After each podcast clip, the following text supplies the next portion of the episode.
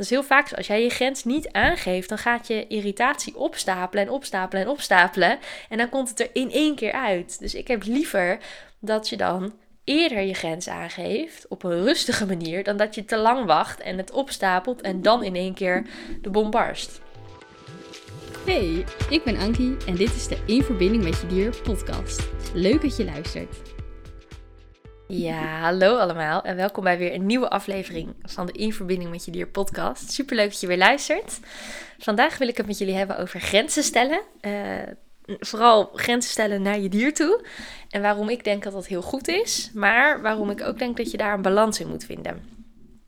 Uh, ik heb de laatste tijd een aantal tijdens een aantal consulten dieren gehad die um, zoiets hadden van, nou, ik wil, ik wil het heel graag goed doen voor mijn baasje, maar dan moet ik wel weten wat ik moet doen. en dat is natuurlijk een hele heldere boodschap eigenlijk. Um, en in dit geval waren dat ook allemaal dieren van baasjes die het gewoon, hè, waarvan de baasjes het wat lastiger vonden om grenzen te stellen voor hun dieren, omdat ze het ook heel graag goed wouden doen voor hun dieren. En dat is voor mij heel herkenbaar. Ik wil het ook altijd goed doen voor mijn dieren. Ik wil ook dat mijn dieren gewoon een fijn leven hebben met mij als baasje.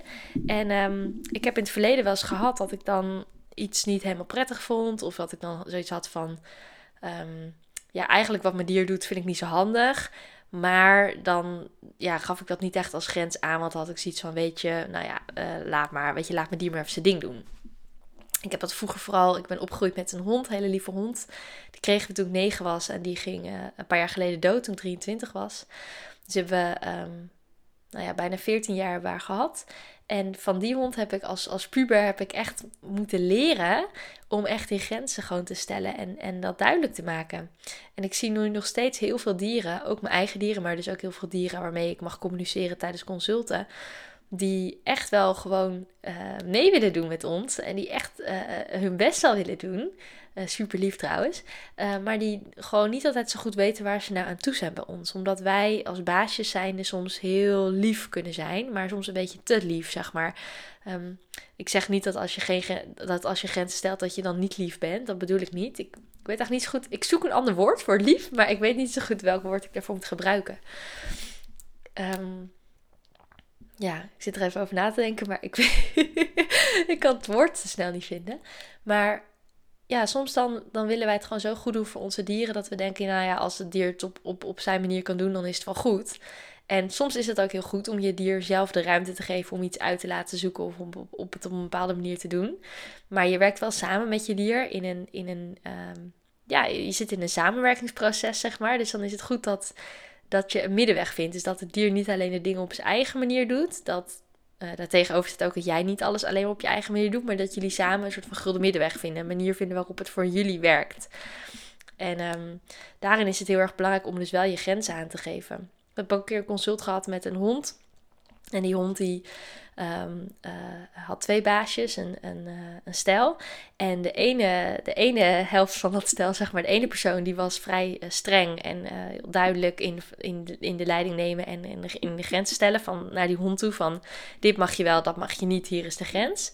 En het, de, het andere, de andere persoon, de tweede persoon, die was daarin wat, ja, die vond dat wat lastiger. Die vond ook dat, dat nou ja, dat, dat de eerste persoon heel streng was, zeg maar. En die had zoiets van, ja, maar die, dat vind ik zielig. Bij mij mag die hond veel meer. En tijdens het consult gaf die hond aan dat ze het heel fijn vond dat ze zoveel ruimte kregen van, van, de, van de tweede persoon. Maar dat ze uh, daar wel de grenzen misten. En dat grenzen, dat heb ik ook heel erg geleerd van de dieren, dat die grenzen ook veiligheid geven. Op het moment dat jij weet waar je aan toe bent, dan voelt dat veilig. Dan weet je, oké, dit is duidelijk, dit staat me te doen en dat gaan we doen. Dus um, daarom ben ik er wel echt voorstander van om je dieren wel uh, uh, grenzen aan te bieden en te zeggen van zo ga je het doen. En daarmee bedoel ik nou niet dat je als een autoritaire um, uh, dictator bijna, zeg maar, als een hele autoritaire, strenge leider, heel hard met een soort van harde hand met je dier moet omgaan. Helemaal niet. Um, dat is in ieder geval niet mijn manier. Dat is niet de manier die ik prettig vind. Ik ben juist heel erg van, um, ja, wel duidelijke leider, maar wel uh, uh, zacht en mild en, en rustig. En ik zie het altijd zo. Um, op het moment dat ik werk natuurlijk ook met kinderen, en daarbij komt dit thema ook heel erg naar voren. En ik heb, ik heb echt de afgelopen paar jaar echt heel erg moeten leren om mijn grenzen aan te geven. Zowel naar mijn dieren toe, als naar de kinderen waarmee ik werk, als gewoon in, in, mijn, persoonlijke leven, ook gewoon met andere mensen.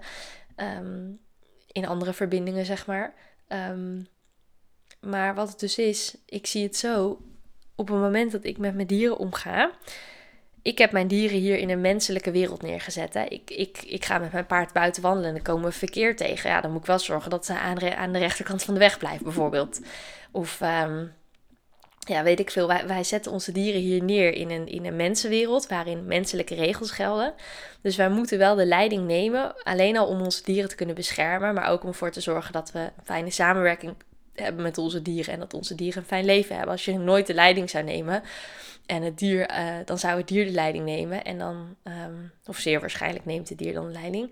Terwijl dat misschien niet eens per se wil. Maar ja, als er geen leider is, dan wordt er toch door iemand leiding genomen.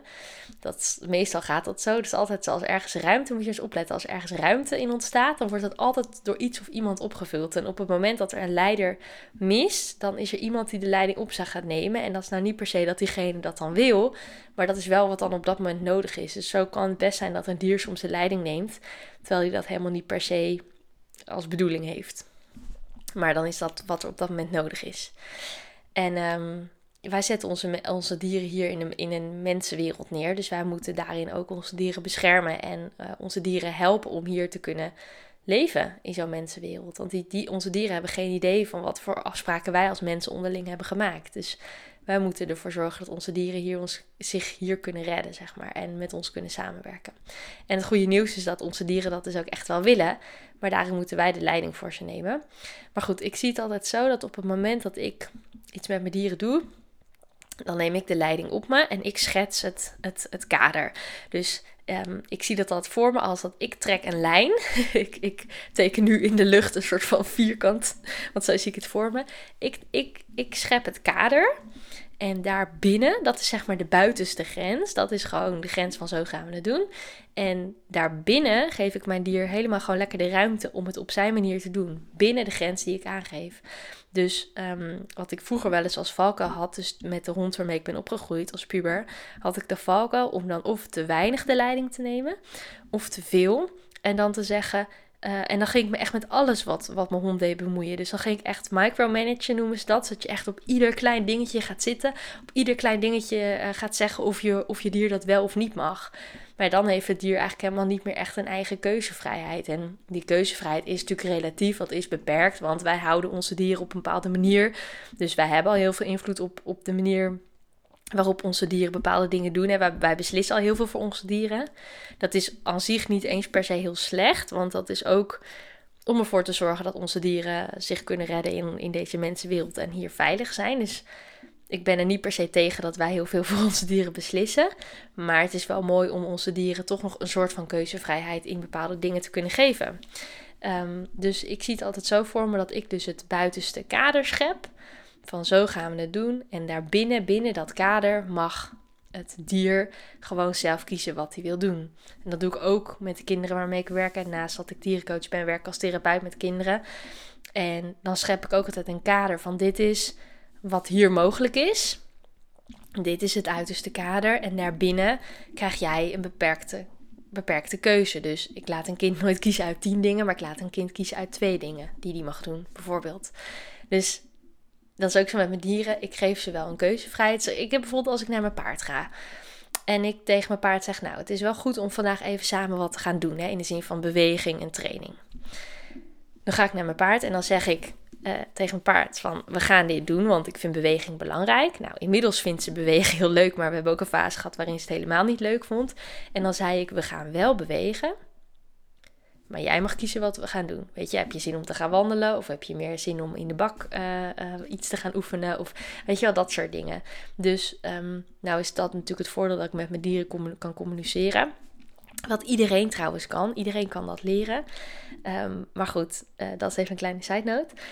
Um, ik kan dat dus zo met mijn dier communiceren. Maar goed, daar zijn natuurlijk wel manieren voor. Ook als je niet met je dier kunt communiceren, kun je je dier daarin wel keuzevrijheid geven of verschillende dingen aanbieden. Zonder, daar dan, uh, zonder je dier dan te dwingen om iets te doen, kun je verschillende dingen aanbieden en je dier daarin uitnodigen om mee te doen. Dus dan heeft hij ook nog een soort van keuzevrijheid. In de zin van dat als het dier dan niet mee wil doen, dat je dat dan ook kunt respecteren.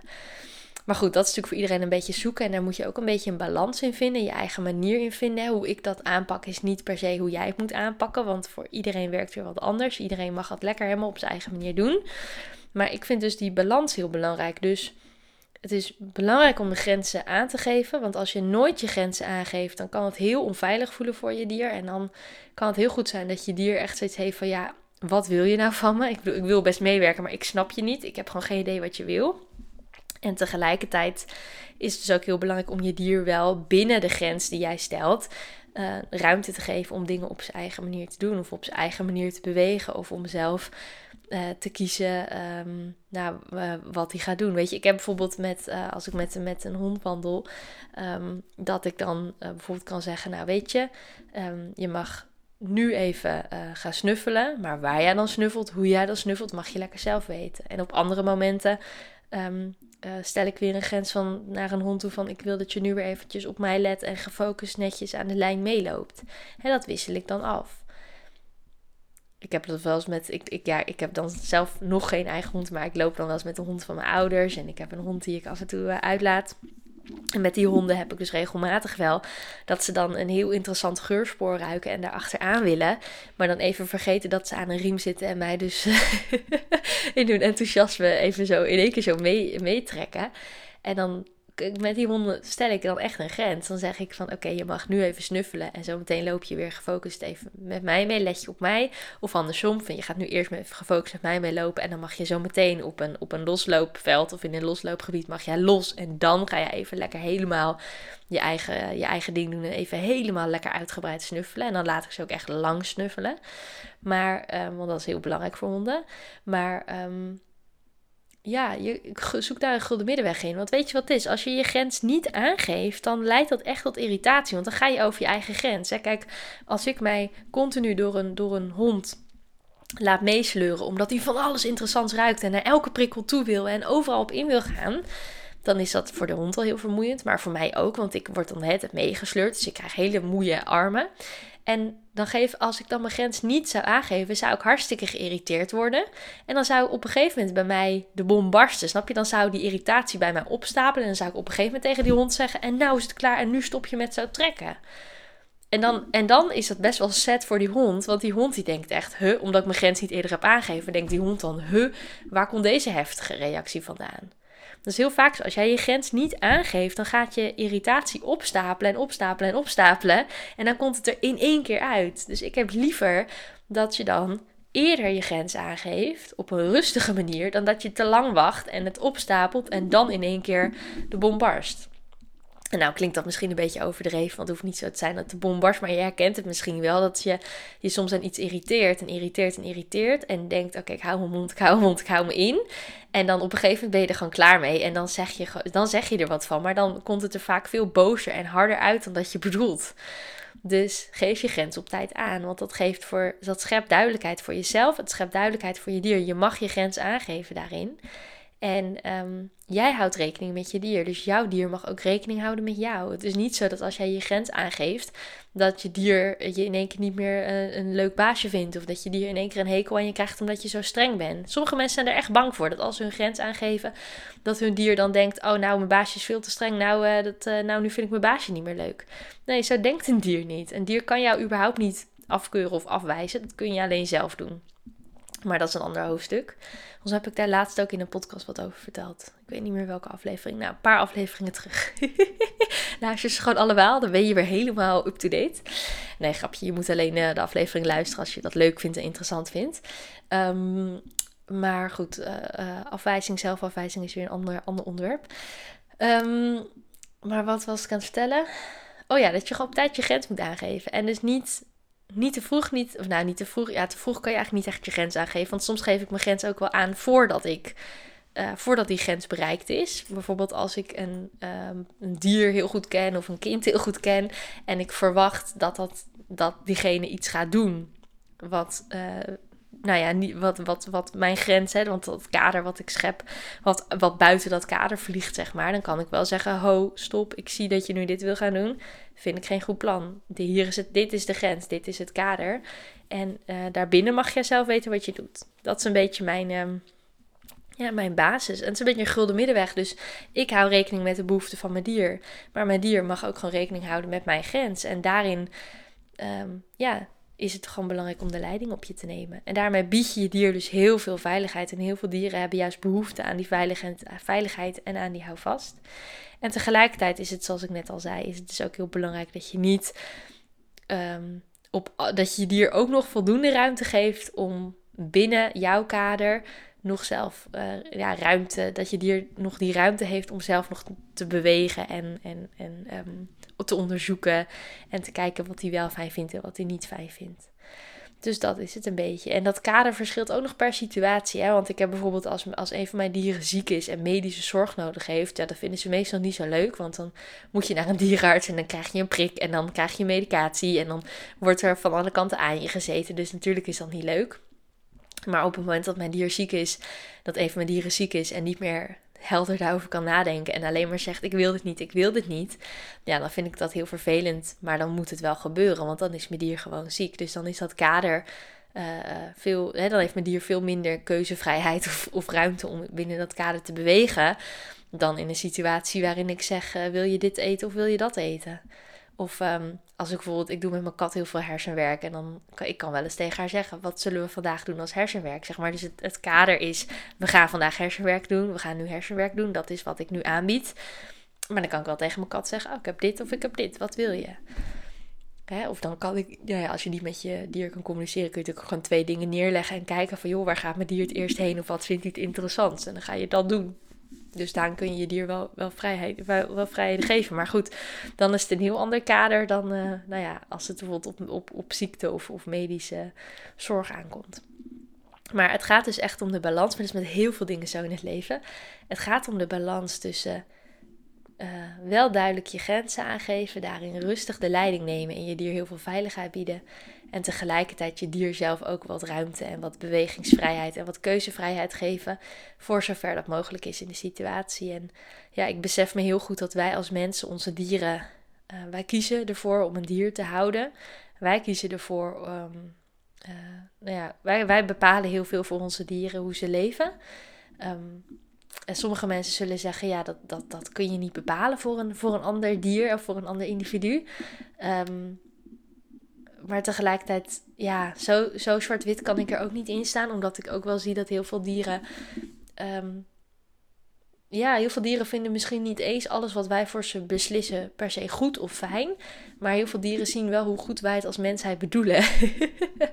en ik geloof ook dat dieren echt in ons leven zijn om ons te helpen. Dus misschien dat ze het soms ook wel voor lief zullen nemen als wij een keuze voor ze maken die zij misschien anders hadden willen zien of anders hadden gemaakt.